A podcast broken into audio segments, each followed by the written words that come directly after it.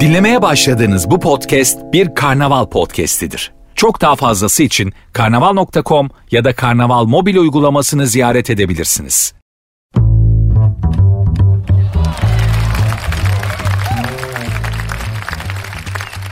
Herkese merhaba. Sert Ünsüz başladı ben Nuri. Saat 22'ye kadar kül kedisi Cinderella'nın ayakkabısını kaybettiği partiye gitmek için üvey annesinin evinden çıktığı saatlere kadar sizlerle birlikte olacağım. Olayım bellidir. Sizi kendi düşüncelerinizden, rutininizden kopartıp biraz başka şeyler düşündürterek rehabilite etmek, hoşça vakit geçirmek bu. Aslında ne kadar basit gözüküyor ama ne kadar zor. O kadar uğultulu bir e, hayatımız, düşüncelerimiz o kadar arka arkaya geliyor gidiyor ki. Çünkü gerçekten düşünmemiz ve yetişmemiz gereken o kadar çok şey var ki fiziken olmasa bile zihnen yetişmemiz gereken o kadar çok şey var ki çok gürültülü bir beynimiz var pek çoğumuz. Bu gürültülü beyin gerçekten insanı fiziki yorgunluktan, fiziki çalışmaktan daha çok yoran bir şey. O yüzden hani inşaat amelesi tabir ettiğimiz inşaat işçisi olarak da söyleyebiliriz. Arkadaşlar daha az yoruluyordur plaza çalışanlarından. Ya asıl amele onlar hani amele diyorsak asıl amele asıl işçi plaza çalışanları. Çünkü onların kafa gidik yani bir şimdi bir soğuk demircinin kafada ne var ki pırıl pırıl. Adamın kafa pırıl pırıl. Uzun havasını söylüyor. Demirleri birbirine şeyip tel büküyor. Nefis. Kaba sıvacının mala vurmaktan başka ne derdi var ya? Duvara mala vursun çat çat çat. Baba bir de işte. Öğle yemeği zaten soğan cücüğüyle zeytin ekmek dünyanın en lezzetli tamamı bitti. Plazada öğle yemeğinde böyle plazada ofisin ortasında havuzun ortasında soğana yumruğu vurup zeytin ekmekle yiyebiliyor musun? Yanında da helvayla mümkün değil. çok çok acayip bir geri feedback plaza diliyle. Çok acayip bir feedback alırsın yani etraftan. Ama inşaat işçileri yapıyor ve çok mutlular. Zaten yedikleri dediğim gibi dünyanın en lezzetli yemeğidir. Soğan cücüğüyle zeytin ekmek. Dolayısıyla plaza çalışanları ofis çalışanları asıl amele bunlar. Asıl yükü çeken bunlar. Çünkü kafa gidik. O kadar çok şey geliyor gidiyor ki uğultulu bir zihin insanı çok görüyor. Dolayısıyla da işte biz de arada başka şeyler düşündürterek akünün suyunu boşaltmaya biraz sizi rehabilite etmeye çalışacağız hanımlar beyler. Programın Instagram ve Twitter adresleri aynı. Neden böyle bir şey yapıyoruz? Neden size Instagram ve Twitter adresi veriyoruz? Hani siz de programa bir el atın da el birliğiyle kalkındıralım. Şu iş yani siz de bir şey söylemiş olun. Sizin arzunuza göre şekillensin maksatlı bir şeydir. Çünkü artık müşteri merkezli, dinleyici merkezli bir yayıncılık var. Dolayısıyla da sizden gelecek tweetler, Instagram mesajları şunlar bunlar çok önemli. Instagram ve Twitter adresi aynı demiştim. Sert unsuz yazıp sonuna iki alt tire koyuyorsunuz. Sert unsuz yazıp sonuna iki alt tire koyuyorsunuz. Benim Instagram adresim de Nuri Ozgul 2021. Programın podcastlerini Karnaval.com'dan, Karnaval, e, Karnaval aplikasyonundan ve Spotify'dan dinleyebilirsiniz sert ünsüz olarak. Bu da bir kenarda bilgi olarak olsun. Devam edeceğiz.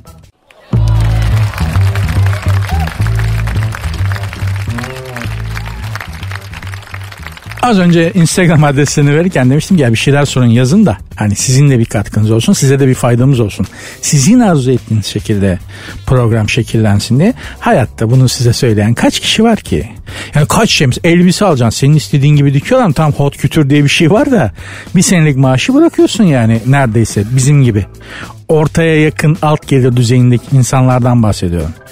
Evet ben de onlardanım yani ortaya yakın ne, ne yani para mı yağıyor yani yayıncı olduk diye üstümüze para yağdığını falan mı zannediyorsunuz? Yok öyle bir şey. Yok öyle bir şey ya. Ay sonunu zor getiriyoruz valla. Neyse buna da şükür. İşte böyle demiştim yani siz nasıl arzu ediyorsanız öyle şekillendirelim diye. İşte bir dinleyicim Mustafa soru sormuş bir şey sormuş bana. Sağ olsun. Ya sadaka niyetine geçer. Aa valla Mustafa altın bulsun ya. Ummadığın yerden para bulasın. Para gelsin Mustafa. Çok sağ ol kardeşim. Yeminle bak sadaka ya hayır dua ediyorum daha ne yapayım. Şöyle bir soru sormuş Mustafa. Bu kadınlar ne isterler abi? Bunu bir anlatsanız diyorum. 9 yıllık evliyim. Yapmadığım şey kalmadı ama nafile anlayamadım. Demiş ki gerçekten kadın ruhunun duayeni olduğum fikri sizde nasıl oluştu bilmiyorum ama ama böyle bir şey yok. Yani siz kadın ruhunun beni dinleyen erkeklere söylüyorum. Siz kadın ruhunun ne kadar cahiliyseniz ben de o kadar ben de o derece cahiliyim arkadaşlar. Yani ben de bilmiyorum. Ama bu konuda söyleyecek bir şeylerim var. Arkadaşlar beni dinleyen beyefendiler ne isterler sorusunu bin kere cevapladık. Kadınlara atılmış en büyük iftiradır bu. Hani kadınlar ne istiyor bilmiyoruz abi. Kadınlar anlaşılmaz varlıklar. Bu kadınlara atılmış en büyük iftiradır. Kadınlar ne istediğini bilmez. Yok böyle bir şey. Çünkü kadınlar bir şey istemez arkadaşlar. Beyler Romalılar. Kadınlar bir şey istemezler. Tam tersidir. Biz kadınlardan bir şeyler istiyoruz hep. Biz onların peşine düşüyoruz erkekler olarak. Biz başlarının etini yiyip ne olur benimle ol, ne olur beni sev, ne olur sevgilim ol, ne olur karım ol diye biz kanlılar gibi yalvarıyoruz kadınlara. Ondan sonra da bu kadınlar ne istiyor ben bilmiyorum abi. Kadınların bir şey istediği yok kardeşim. Biz kaşınıyoruz, biz istiyoruz hep. Yanlışsam yanlış deyin ya. Yanlışsam yanlış deyin gerçekten düzelteceğim kendimi. İsteyen, talep eden taraf hep biz erkekleriz. Üstelik ne istediğimizi de biz bilmiyoruz. Yani ne istediğini bilmeyen asıl biziz. Ha yok haksızlık etmeyeyim tabii. Yani bizim de aşağı yukarı ne istediğimiz bellidir. Kadın da bunu bilir aslında daha en başından beri de çaktırmaz. Nedir o? Yani erkeklerin kadınlardan ne istediği? Honduras. Ülke ülke olarak Honduras değil. Fiil olarak. Honduras. Kısaca sevgili dostum Mustafa adın neydi bakayım evet Mustafa 9 yıllık evliyim yapmadığım şey kalmadı ama karımın ne istediğini hala anlayamadım demişsin. Ben sana yengenin ne istediğini söyleyeyim muhtemelen seni öldürmek istiyor. 9 yıllık evlilikten sonra bir kadın başka ne bir kadın başka ne ister ya tövbe olur mu şaka yapıyorum tabii. Ama hani bir erkeğin kahrını da kesintisiz 7-24 9 yıl çektikten sonra bir kadın zaten evliya olmaya çok yaklaşmıştır değil mi o? Yani Allah sabırlar versin bütün kadınlara. Ne diyeyim kadınlar ne ister ne istiyor anlayamadım bilmiyorum. Kadınlar ne istediklerini bilmiyorlar. Ben kadınları bir türlü çözemedim. Çünkü çok anlaşılmaz varlıklar ifadeleri kadınlara attığımız bir iftiradır. Asıl isteyen biziz. Üstelik de ne, istediğimiz de belli değil. Biz de bilmiyoruz yani. Bir tek şey hariç. O çok net. Onun dışında biz de ne istediğimizi bilmiyoruz yani. Evleniyorsun e, karına çocuğuymuşun gibi davransın istiyorsun karın senden. Yani evleniyorsun tamam karın var artık ama hala sana annenmiş gibi davransın istiyorsun. Yeri geliyor karınmış gibi davransın istiyorsun. Yeri geliyor arkadaşmış gibi davransın istiyorsun. Yeri geliyor bir şef de cuisine olsun ve nefis yemekler yapsın istiyorsun. Bir sürü şey olmasını istiyoruz kadınlardan farkındaysanız. Kadınlar bizden ne istiyor? Tek bir şey adam ol. Adam ol. Başka bir şey yok. Bak kadının başka bir şey yok. Aslan ol, kaplan ol. Çeşitli zamanlarda o ayrı. O da onun hakkı yani. Oralara girmeyelim. Ama hani ne istediğini bilmeyen erkek. Çok net. Devam edeceğiz.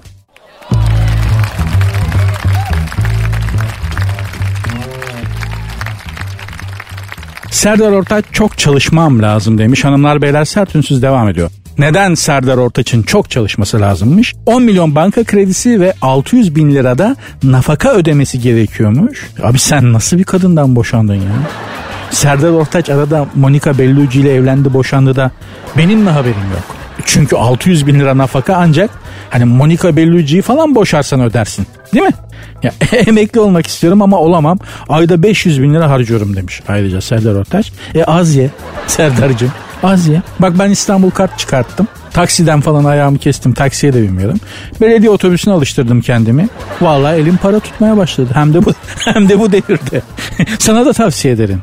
Kabul ediyorum rahat bir hayatım vardı. Cipten inip belediye otobüsüne alışmak kolay değil. Tenha hatlardan başla. Bence yani kafadan 500 TL ile başlarsan ön kapıdan insan olarak binersin. Arka kapıdan penguen olarak çıkarsın. Beni, senin senin naif bünyen henüz 500 TL'nin hoyratlığını hoyratlığını kaldıramayabilir ama tenha otobüs hatlarından başlarsan alışır bünye. Ben sana hat numarası da vereyim. Mesela 150, Sarıyer Kilyos, Hacı Osman Kilyos, 151 Zekeriya Köy, 152 Sarıyer Hacı Osman Kısırkaya. Bu hatlar bazı saatlerde bomboş çok tenha olurlar. Onlara ine bine alışırsın. Ben öyle yaptım vallahi rahat ettim. Serdar Ortaç. Yaşlar ilerledi çünkü kardeşim bizim ejderha gibi adamlar olduğumuz günler geçti. Serdar saltanatımızı sürdük. Bizden sonra gelenler hadi babacım ilerle bakalım deyip bizim yerimizi aldılar çoktan. Artık rüzgarlı adamlar değiliz. Yalnız bu arada şey de söyleyeyim. Yani Serdar Ortaç yaşıtım olduğu için böyle rahat konuşuyorum. Çok önemli bir adamdır Serdar Ortaç. Türkiye'nin Nostradamus'udur Serdar Ortaç. Evet. Nostradamus kimdir? Belki bilmeyenler vardır. Bir kahin orta çağlarda dünyanın geleceğini görmüş. ileride yani bu yüzyılda yüzyıllar sonra bile olan biteni açık açık yazmış. Şöyle olacak böyle olacak falan.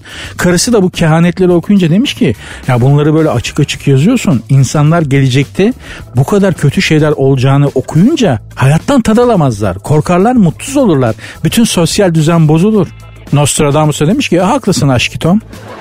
Ha, orta çağda aşkitom dememiştir ama hani karısını seven bir adam olarak haklısın tatlım demiştir ve kehanetlerini şifreli yazmış. Öylesine şifreli yazmış ki ancak olaylar gerçekleştikten sonra aa Nostradamus demek bunu kastettiği falan diyorsun.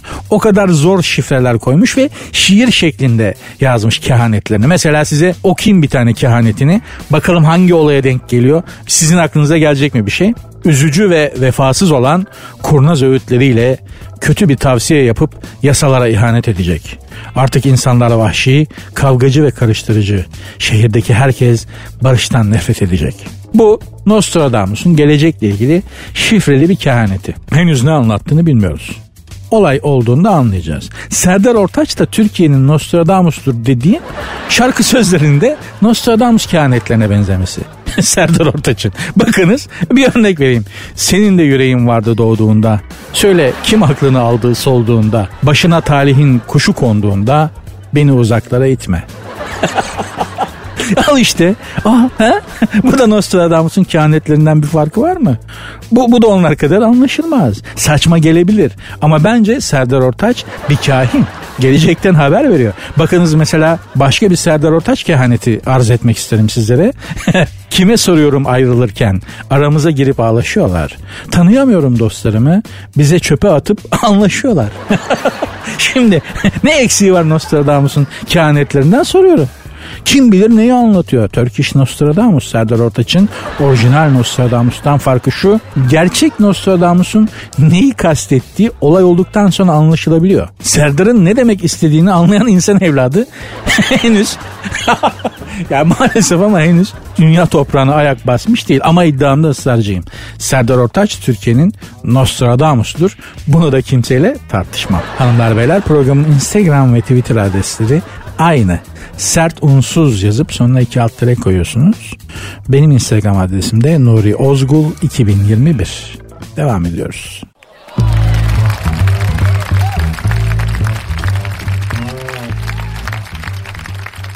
James Bond sever misiniz? İngiliz ajanı 007 kod numarası var malum. Çift sıfır o 007'deki çift sıfır öldürme etkisi demek. Meraklısı çoktur bir James Bond'un. Dünyada da Türkiye'de. Türkiye'de de film çekti biliyorsunuz James Bond. Skyfall filminin bir kısmı da İstanbul'da geçer. Çemberli Taş Hamamı'nda bir dövüş sahnesi çekeceklerdi. Hamam sahibini kafalamıştım. Skyfall e, James Bond filminde ben de oynayacaktım. James Bond hamamda birilerini dövecekti. O birilerinin içinde ben de vardım. Ama olmadı. O sahneyi iptal ettiler. Yoksa James Bond'dan dayak yiyecektim. Kısmet olmadı. Hayat da ne garip değil mi? İnsanın ne duygular yaşatıyor. James Bond'dan dayak yiyemedim diye üzülüyorum. Neyse mevzu o değil. Bu James Bond bir kadınla tanıştıktan sonra ortalama 37 cümle ettikten sonra kadınla birliktelik yaşıyormuş. Yani amiyane tabiriyle söyleyeceğim daha iyi anlaşılsın diye James Bond ortalama 37 cümlede bir kadını kafalayabiliyormuş arkadaşlar. Bu tabir için tekrar özür dilerim ama net anlaşılsın diye söyledim. Şahsen 37 cümle bence fazla. E kadınlar açısından 37 cümleye kalmadan daha erkeğin gözüne bakınca niyetini çözerler de anlamazdan gelirler. Yoksa bir kadın bakacak da bir erkeğin ne istediğini anlamayacak. İmkansız. 37 cümle şahsen benim için de çok açık söyleyeyim. 37 cümleye kalmadan ben bir kadına derdimi anlatırım. Gülme gerçek. Anlatırım yani. Kadınlar peki bir erkeği kaç cümleyle kendilerini anlatırlar? Sizce? Hiç. Kadının konuşmasına gerek yok ki. Konuşmak hani konuşarak böyle anlatmak hadi hadi bak şöyle böyle falan diye. Bunlar senin benim gibi goriller için kadınların böyle bir şeye ihtiyaçları yok ki. Ama mesela bu James Bond'u kadınlar pek beğenirler. Nesini beğeniyorlar hiç anlamıyorum. Kasıntının teki. Hele bu son James Bond Daniel Craig adamın kasılmaktan başka bir şey yaptığı yok. Oysa rahmetli Sean Connery abimiz öyle miydi ya? Toprağı bol olsun. Adamdı yani. Sean Connery adamdı. Kadınlar sevmez böyle kasıntı erkekleri diye biliyorum. Bu da değiştiyse artık ben Kandıra taraflarında aile çiftliğimize çekilip şömine başında kitap okuyarak insanlardan uzak bir hayat yaşayayım yani. Çünkü piyasa kasıntı adamlara kaldıysa eğer bizim gibi tevazu sahibi adamlar taca çıktıysa çiftlikte manda yoğurdu üreteyim. Ben camış yoğurdu derler. Ortalıkta bu kadar sığır varken piyasada boşluğu doldurmak lazım. Tavsiye ederim. Camış yoğurdu çok lezzetlidir. James Bond'dan da camış yoğurduna nasıl geldik onu bilmiyorum. Ama camış yoğurdu iyidir. Yiyin. Yedirin de çocuklarınıza da yedirin. Çok faydalıdır. Manda sütünden yaparlar. Bambaşka olur.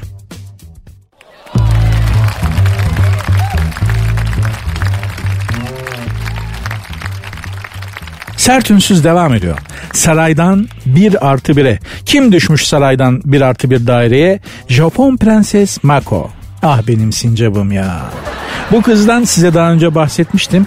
Japon prensesidir bu kızcağız. Çok hanım, çok zarif, çok da hoş bir kız. İstanbul'a da gelmişti. Ben o zaman kenara yazmıştım bu Prenses Mako'yu. Olmaz olmaz mi? Denk getirirsin. Bir connection kurma imkanın olur. Japon prensesi hop oh dene alıverirsin. Böyle zamanda da açık söyleyeyim yani Mako, Prenses Mako gibi kız bulamazsın ama maalesef olmadı. Bana denk gelmedi. Kızcağız gönlünü halktan biri olan kendi kavminden Kei Kamura diye bir kudümsüze kaptırdı. Bu olan için bu çocuk için Japon sarayından ayrıldı kızcağız biliyorsunuz. Seviyor demek ki. Çocuğa da bakıyorum hakikaten kıytırık bir tip. Buradan da Japon Prens Mako ile evlenen sıradan vatandaş Kei Kamura'ya sesleniyorum kalıbının adamı değilmişsin. Diyeceksin ki neden? Söyleyeyim. Kızı aldın 90 odalı saraydan, kırlentlerin piko işi yastıkların arasından aldın kızı. Bir artı bir daireye gelin götürmek nedir lan? Ha? Hiç olmazsa 3 artı 1 ebeveyn banyolu bir daire tutsaydın ya. Ayıp. Kızcağız da kibar bir kız çok belli. Ağzını açıp da gık diyememiştir. Ama olmaz. Prenses alıyorsan hakkını vereceksin. Ha her kadın babasının prensesidir ayrı konu. Ama bu Japon prensesi lan buna da yanlış yapamazsın. Yani, yani bir prensesle evlenmenin de bir Japon prensesiyle de evlenmenin bazı handikapları var. Mesela asla kıza yanlış yapamazsın hiçbir konuda. Çünkü bunun abileri samuray, amcaları ninja. yani anında alırlar adamın aklını.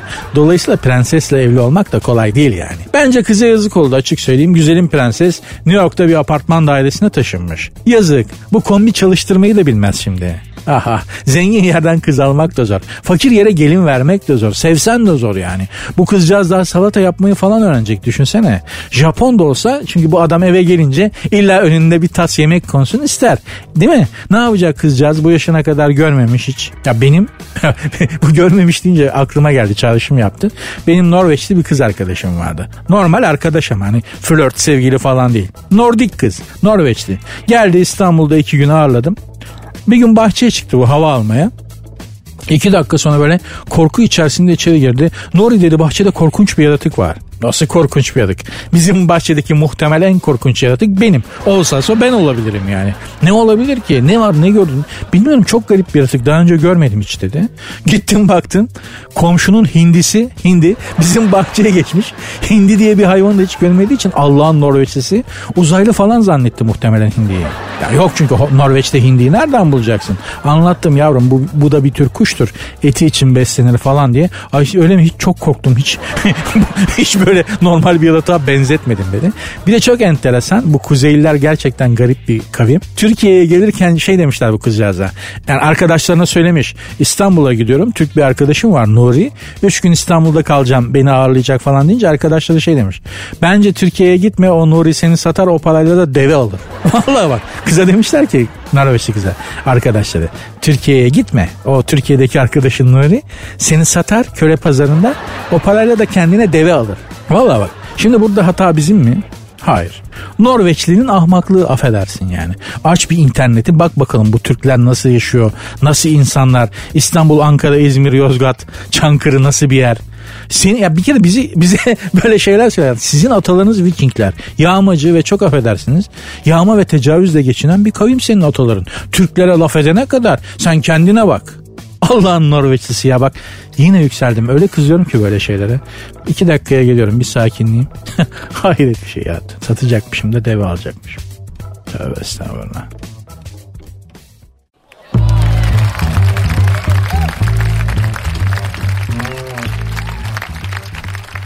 Amerika'nın en çok okunan haber portallarından biri bir ilişki danışmanının görüşünü alarak kadın okurlarıyla evlenilecek adamla birlikte olduğunu gösteren 11 ipucunu paylaşmış kadın okuyucularıyla.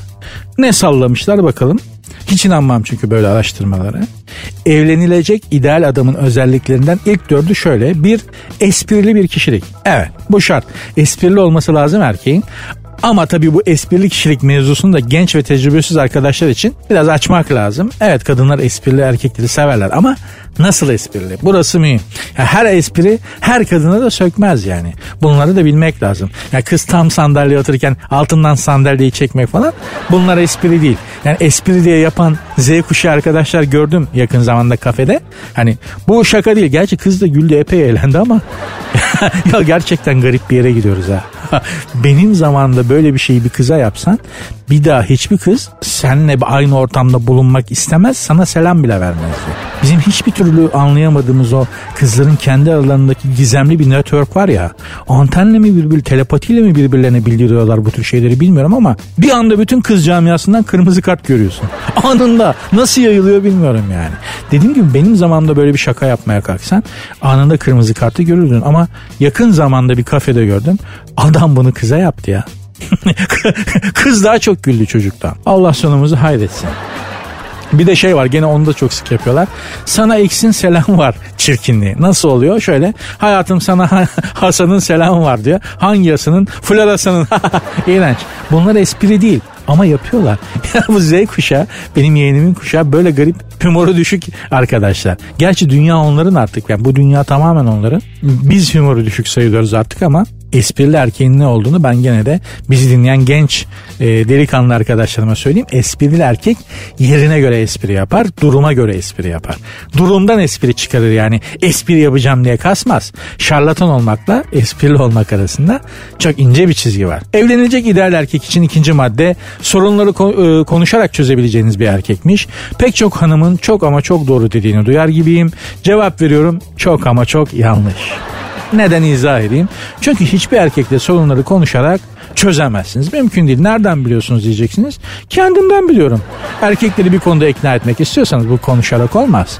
Bunu halledeceğiniz şekil başka bir yöntemdir ama onu da buradan söylememe gerek yok. Sizin irfanınıza ve anlayışınıza bırakıyorum. Evlenecek ideal erkek için üçüncü madde sizi olduğu gibi kabul eden bir erkek. İşte buna kimse itiraz edemez. Ya da ben etmem de Burada da ince bir çizgi var. Şöyle yani hanımlar sizi olduğunuz gibi kabul etmemizi istiyorsunuz ama siz olduğunuz gibi kalmıyorsunuz ki. Saçınızı kestiriyorsunuz, diyet yapıp zayıflıyorsunuz, sonra kilo alıyorsunuz, yok burnu estetik, yok yağ aldır, yok botoks falan derken bir türlü olduğunuz gibi kalmıyorsunuz ki olduğunuz gibi sevelim sizi. yani burada da bir tezat var size ait hanımlar doğruya doğru. Ha ama nedir? Hayatındaki kadını olduğu gibi kabul eden erkek mutlu erkektir. Net. Evlenilecek ideal erkek için son madde geçmişte sağlıklı ilişkiler yaşamış olan erkekmiş. Yani evet doğru ilişkiler yaşamış bir insan duygusal olarak da sağlıklı olur. İyi bir aşık olur, iyi bir koca olur. Bu tartışılmaz. Ama geçmişte sağlıklı ilişkiler yaşamış biri var mı? Yani ben kendimi nispeten düzgün bir adam olarak görürüm açıkçası. Geçmişte yaşadığım ilişkilere bakıyorum. Kill Bill. Al filme çek. Kill Bill filmi romantik komedi gibi kalır benimkilerin yanında. Yaşadığımız şu günlerde psikolojisi sağlıklı insana nereden bulacaksın? Ortalığı görmüyor musunuz? Herkes bir miktar kil bile bağlamış durumda. Hattori Hanzolar geziyor her yerde. Az deli olsa ben ona da varım ona da kabulüm ben açık söyleyeyim. Tamamen tırlatmamış birini aramayın. Boşa yol olursunuz. Yok öyle biri. Allah hepimize akıl fikir versin. Hele bu zamanda aklına sahipsen hazine sahibisin yani. Daha başka bir şey isteme.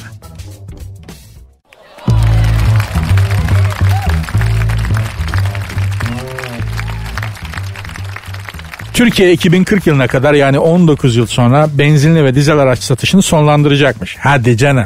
Bana kalsa hemen şimdi bitsin. Ama tabii bir geçiş süreci lazım. Sektörün hazırlanması lazım. Yapacak bir şey yok. 19 yıl daha atmosferi zehirleyeceğiz. Olsun. Yine de çok önemli bir adım. Vallahi sevindim. İklim konferansında Glasgow'da biliyorsunuz böyle bir karar çıkmış. Türkiye'nin de dahil olduğu 30 ülke bunu kabul etmiş. 2040 yılına kadar benzinli ve dizel araç satışı bitecekmiş. Ya ne olacak? Onun yerine elektrikli araba. Çok güzel, süper bir karar. Orada tek bir falso var. Öyle yani falsolu bir durum var bir tane. İşte düşünün böyle yılan gibi süper bir araba alıyorsunuz. Kontraplak gibi böyle ince spor arabalar var ya. Çıkarken böyle ayakkabı çekeceğiyle çıkarmak falan gerekiyor şoförü. O kadar ince. İşte öyle bir araba oluyorsun. Araba yılan ama götürüp ütü gibi elektriğe takıyorsun. Canım arabayı. İnsanın da o arabayı öyle prizde görünce biti gibi içi bir cız eder yani. Çünkü bu tür arabaların motor gürültüsü de bir acayip. Böyle yedi sülalene küfür ediyormuş gibi geçiyor falan diye. Öyle gidiyorlar yani. Tabii elektrikli araçlara geçince o motor gürültüsü de egzoz bağırtısı da kalmayacak. Peki bu egzoz bağırtmaktan hoşlanan tiplere ne olacak? Çünkü bunlar egzoz bağırtmazsa hasta olurlar. Kendilerini falan keserler Allah korusun. Müptelalık çünkü. Böyle tipler var aramızda biliyorsunuz. Başkalarını rahatsız ederek eğlenenler diyoruz biz bunlara. Daha doğrusu başkalarını rahatsız ederek mutlu olanlar. Mutluluğunu böyle elde eden tipler diyoruz bunlara. Gürültülü araba kullanma mesela. Egzoz bağırtmazlarsa patlatmazlarsa rahat edemiyor adam. Neden? E hayatta çünkü hayatta onu hiç adam yerine koyan olmamış ki ne yapsın? İstiyor ki bütün dünya onu fark etsin. O egzoz bağırtması o yüksek sesli müzik dinlemelerin sebebi ne zannediyorsunuz? Ey dünya beni görün ben de buradayım demek istiyor zavallıcık. Ama sallayan yok. Dolayısıyla bunlar arabayı bağırtmazlarsa Allah korusun daha derin rahatsızlıklara sebep olur bünyede. Benim evim yol kenarında neler geçiyor ya. Öyle bir gürültüyle geçiyor ki araba onu o sırada kullanan bir insan olamaz. Yani o arabanın içinde bir insan oturuyor olamaz. Çünkü o gürültüde sağlıklı bir insan duramaz. Anlatabiliyor muyum? O arabalardan daha az gürültülü helikopter ve tanklara bindim askerde. Bir insan böyle bir gürültü çıkarmaya utanır. Hani sokağa bir öküz sürüsü salsan o kadar gürültü yapmaz o öküz sürüsü, manda sürüsü düşünün yani. Ama Allah şifa versin. 2040'a kadar elektrikli arabalara geçmek en çok bu tipleri yoracak bence de. E biraz da onlar yorulsun. Biz yorulduk yeter. Tatlı tatlı yemenin acı acı ödemesi olur. Bugüne kadar kafamızı şişirdiniz. Artık bundan sonra nasıl gürültü yapacağınızı da siz düşünün. Yapmadan duramazsınız orası net de. Allah hepimize sabır versin. Devam edeceğiz.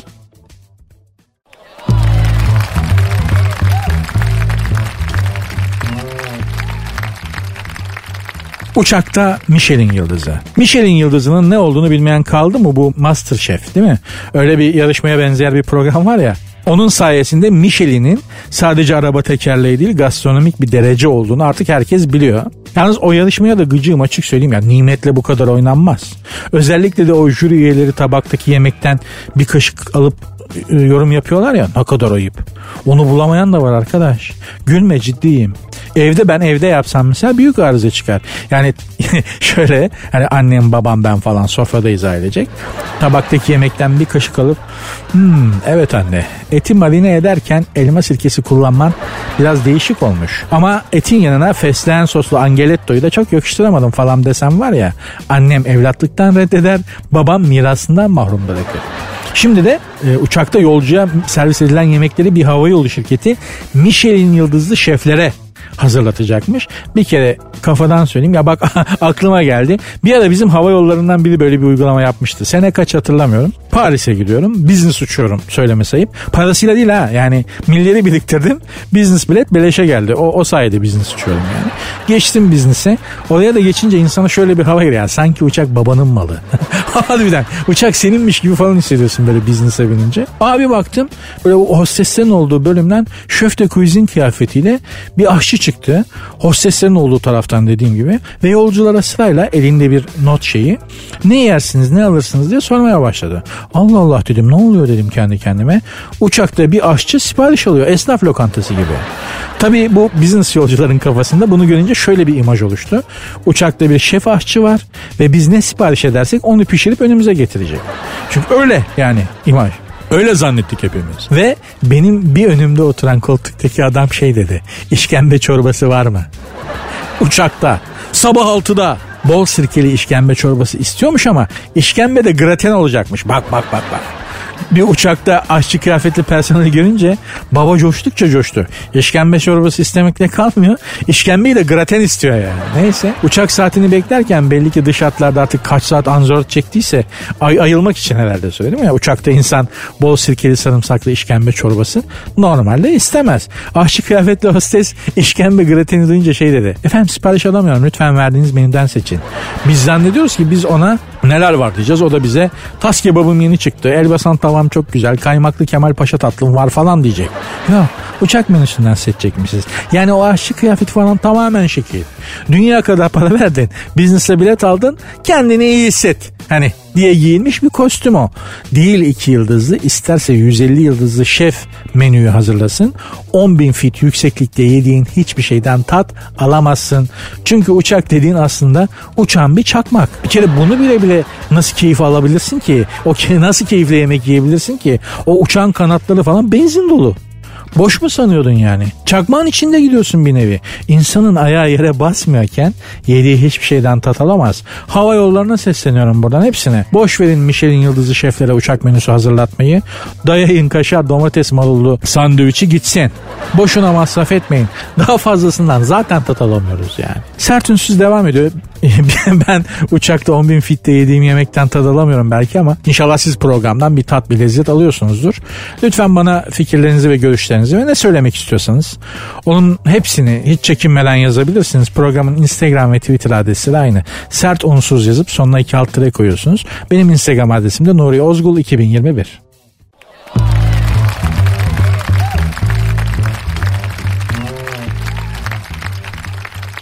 Kimse flört etmeyi bilmiyor. Bunu kim söylüyor? Bunu Hürriyet'ten Onur Baştürk söylüyor. Kendisi bir sosyal ortam kelebeğiymiş. İnsanları gözlemliyormuş sosyal mekanlarda. Flört edemediklerini fark etmiş insanların. Bu konuda uzman olduğumdan falan değil diyor. Flört edenleri gözlemlerken ne kadar büyük yanlışlıklar yaptıklarına şahit oldum. Oradan diyor genelde şöyle hatalar oluyormuş flört ederken bu Onur Başlık ve Nişantaşı, Nişantaşı, Karaköy oradaki Cix mekanlara gider. Oraları yorumlar. Bu yorumlar da o Nişantaşı'ndaki Karaköy'deki Cix mekanlardan yaptıkları gözlemler. Yani anlatabiliyor muyum? Erkekler bir mekanda kendine göre normal ama bir kadına göre fazla aceleci davranıyorlarmış. Kadınla bakışır bakışmaz onun yanına gelip bir şekilde tanışmak istiyormuş. Eğer kadının yanında arkadaşları varsa o an bittiği anmış erkeğin. Kadın adamı arkadaş grubunun içerisinde rezil ediyormuş. Nazikçe ters diyormuş. Adam kös kös geri dönüyormuş.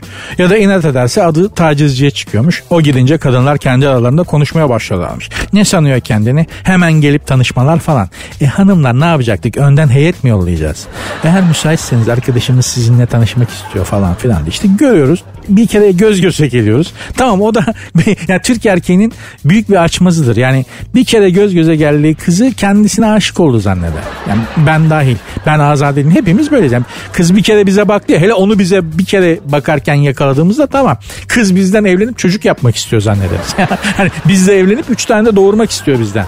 Hani Türk erkeğinin kafası böyle işte. Bu yanlış ama e tamam yani bir şansını da denemek istiyorsun. İşte ne yapacağız ya? Ne Allah aşkına siz söyleyin. Yani çok güzelsin. Seni de çok beğendim. Ve tanımak istiyorum. Erkeğin mantalitesi de böyle işliyor. Tamam yani hani bir usul erken adap vardır. Bir kadına yaklaşmanın değil mi yani? Beyefendice insan gibi yaklaşıp kendi derdini anlatmanın bir yolu vardır. Böyle yapanlar için konuşuyorum. Yoksa hani kaba saba, ot zat, odun gibi adamlar zaten hani konumuzun dışında. Onlardan bahsetmiyorum. Ama düzgün adamın şansı ne? Yok ki başka şansı. Gelip sana derdini anlatmak isteyecek işte. Ortam öyle ya da böyle. Ya çok namüsait bir ortamda seni gördüm beğendim belki. Ne yapacağım yani? Gelmeyeyim mi? Şansımı denemeyeyim mi? Belki ben senin için ya da belki sen benim için hayatımın kadınısın ya da ben senin hayatın erkeğiyim. Belki ruh eşinim yani ve nişan taşında bir yerde maalesef denk gelmişiz yani. Yapacak bir şey yok. Erkek şansını denemek zorunda. Bunu mazur görün. Tabii ki bunu düzgünce yapan, insanca yapan, beyefendice yapan, kendine yakışacak şekilde yapan erkekler için söylüyorum. Antin kuntin, astrifistin bir dolu dejenere tip var ortalıkta. Onların yaptığı saçmalıklar dediğim gibi konumuzun dışı.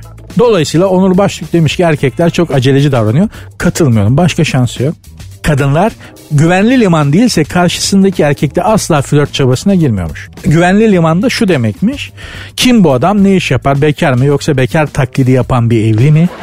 Takıldığı arkadaş grubu nasıl masasındaki kadınlardan biriyle fazla mı samimi yoksa o kadınla bir ilişkisi mi var?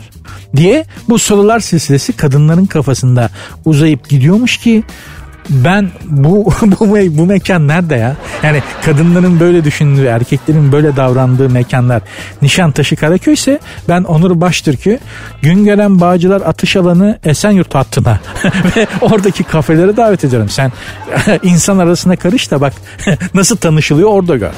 Ben Esenyurt'ta bir kafeden çıktım. Aşiret çatışmasının ortasında kaldım.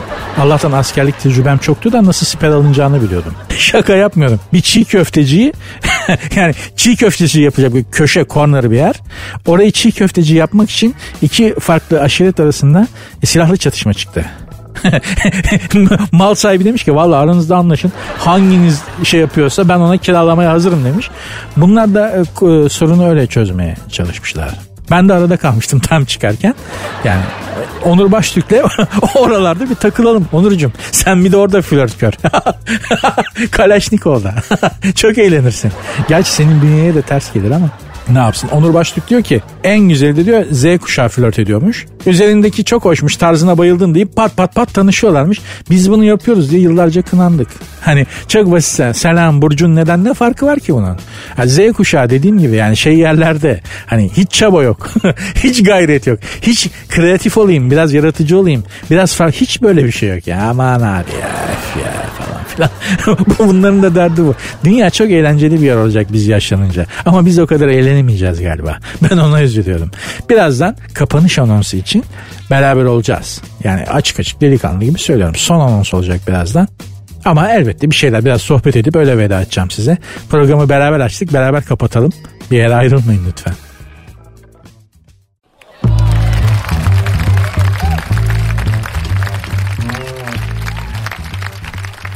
Simge Sağ'ın aşıklara seslenmiş. Simge Sağ'ın bir pop müzik sanatçısı. Aşıklara seslenmiş. Nerede seslenmiş? Beyoğlu Kültür Yolu Festivali kapsamında Galata Kulesi önünde izleyici karşısına çıkmış. 10 binden fazla İstanbul'ya ses. Orası o kadar 10 bin kişi alıyor mu ya? Galata Kulesi'nin etrafı.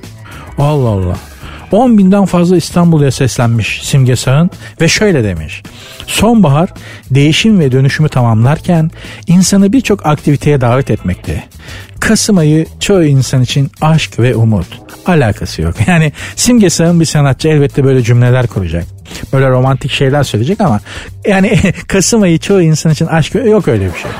Kasım ayı pek çok insan için ulan havalar iyice soğuduk kombileri yakacağız da bu doğal gaz faturası ne olacak ayı? Pek çok insan için. Eminim Simge için de öyle yani. Simge Sağ'ın için de Kasım ayı hani Kasım'da aşk ne başkadır? Kasım'da doğal gaz faturası başkadır. Asıl ay sonu gelsin şu havalar biraz daha cozlasın hepimiz göreceğiz. Yanlış mı söylüyorum? Kasım pek çok insan için aşk maşk yok geç onu. Kasım e, bundan önceki Eylül Ekim nasılsa Kasım da öyle olacak hepimiz için. Yani böyle ne olacak bir anda Kasım geldi diye hepimizin hayatında sonbahar çiçekleri mi açacak zannediyorsun? Mucizeler mi olacak? Yok. O 100 milyonda bir insan için öyledir yani. Mesela benim hayatım 10 Temmuz'dan beri kaymış durumda. Açık söyleyeyim yani madem dertleşiyoruz biz bizeyiz. Temmuz ayından beri her ay biraz daha kayarak benim hayatım kaymış durumda. Ne olacak ya Kasım'da bir anda hiçbir şey olmamış. bir anda yani Mayıs ayına mı döneceğiz Kasım'da? Mayıs ayındaki gibi mi olacak hayatım? Hayır. Kaymaya devam edecek. Öyle Kasım işte aşk ayıdır, umut ayıdır. Yok öyle bir şey. Simge sağın hanımefendi. Elbette ki romantik bir sanatçı olarak böyle sözler söylemesi gerekiyor zaten. Onu eleştirmiyorum ama hakikatleri de görmekte fayda var. Kasım ayı, Kasım'da aşk başkadır, umut vardır falan diye bir şey yok. Kasım ayında başka olan tek şey doğalgaz faturası olacak arkadaşlar. Havalar biraz daha soğursa hepimiz göreceğiz. Dolayısıyla gerçekçi olmakta da sonsuz fayda mülahaza ediyorum. Hayat bir mucize ama bizim mucizemiz değil. Yaratıcının mucizesi o. Senin hayatında bir mucize olmayacak. Eylül Ekim nasılsa Kasım'da öyle olacak inan. Küçük mutluluklar hanımlar beyler her zaman söylüyorum. Bunu söylemekten de vazgeçmeyeceğim. Küçük mutluluklar bizimdir. Küçük mutluluklara odaklanalım. Büyük mucizeler bizi kolay kolay bulmaz. Açık söyleyeyim yani bulmaz. Varsa bulan söyleyin. Diyorum ya 100, milyon, 100 milyonda birdir yani. Dolayısıyla küçük mutluluklar bizimdir. Rahmetli Bekir Coşkun'un dediği gibi küçük mutluluklarla mutlu olmayı öğreniriz inşallah ki zaten pek çoğumuz bunu böyle yapıyoruz. Sert ünsüz bugünlük bitti. Umarım iyi vakit geçirmenize sebep olmuşumdur. Eğer öyle olmuşsa çok mutlu olurum. Programın Instagram ve Twitter adresleri aynı. Sert unsuz yazıp sonuna iki alt koyuyorsunuz. Benim Instagram adresim de Nuri Ozgul 2021. Yarın görüşmek üzere. Dinlemiş olduğunuz bu podcast bir karnaval podcastidir. Çok daha fazlası için karnaval.com ya da karnaval mobil uygulamasını ziyaret edebilirsiniz.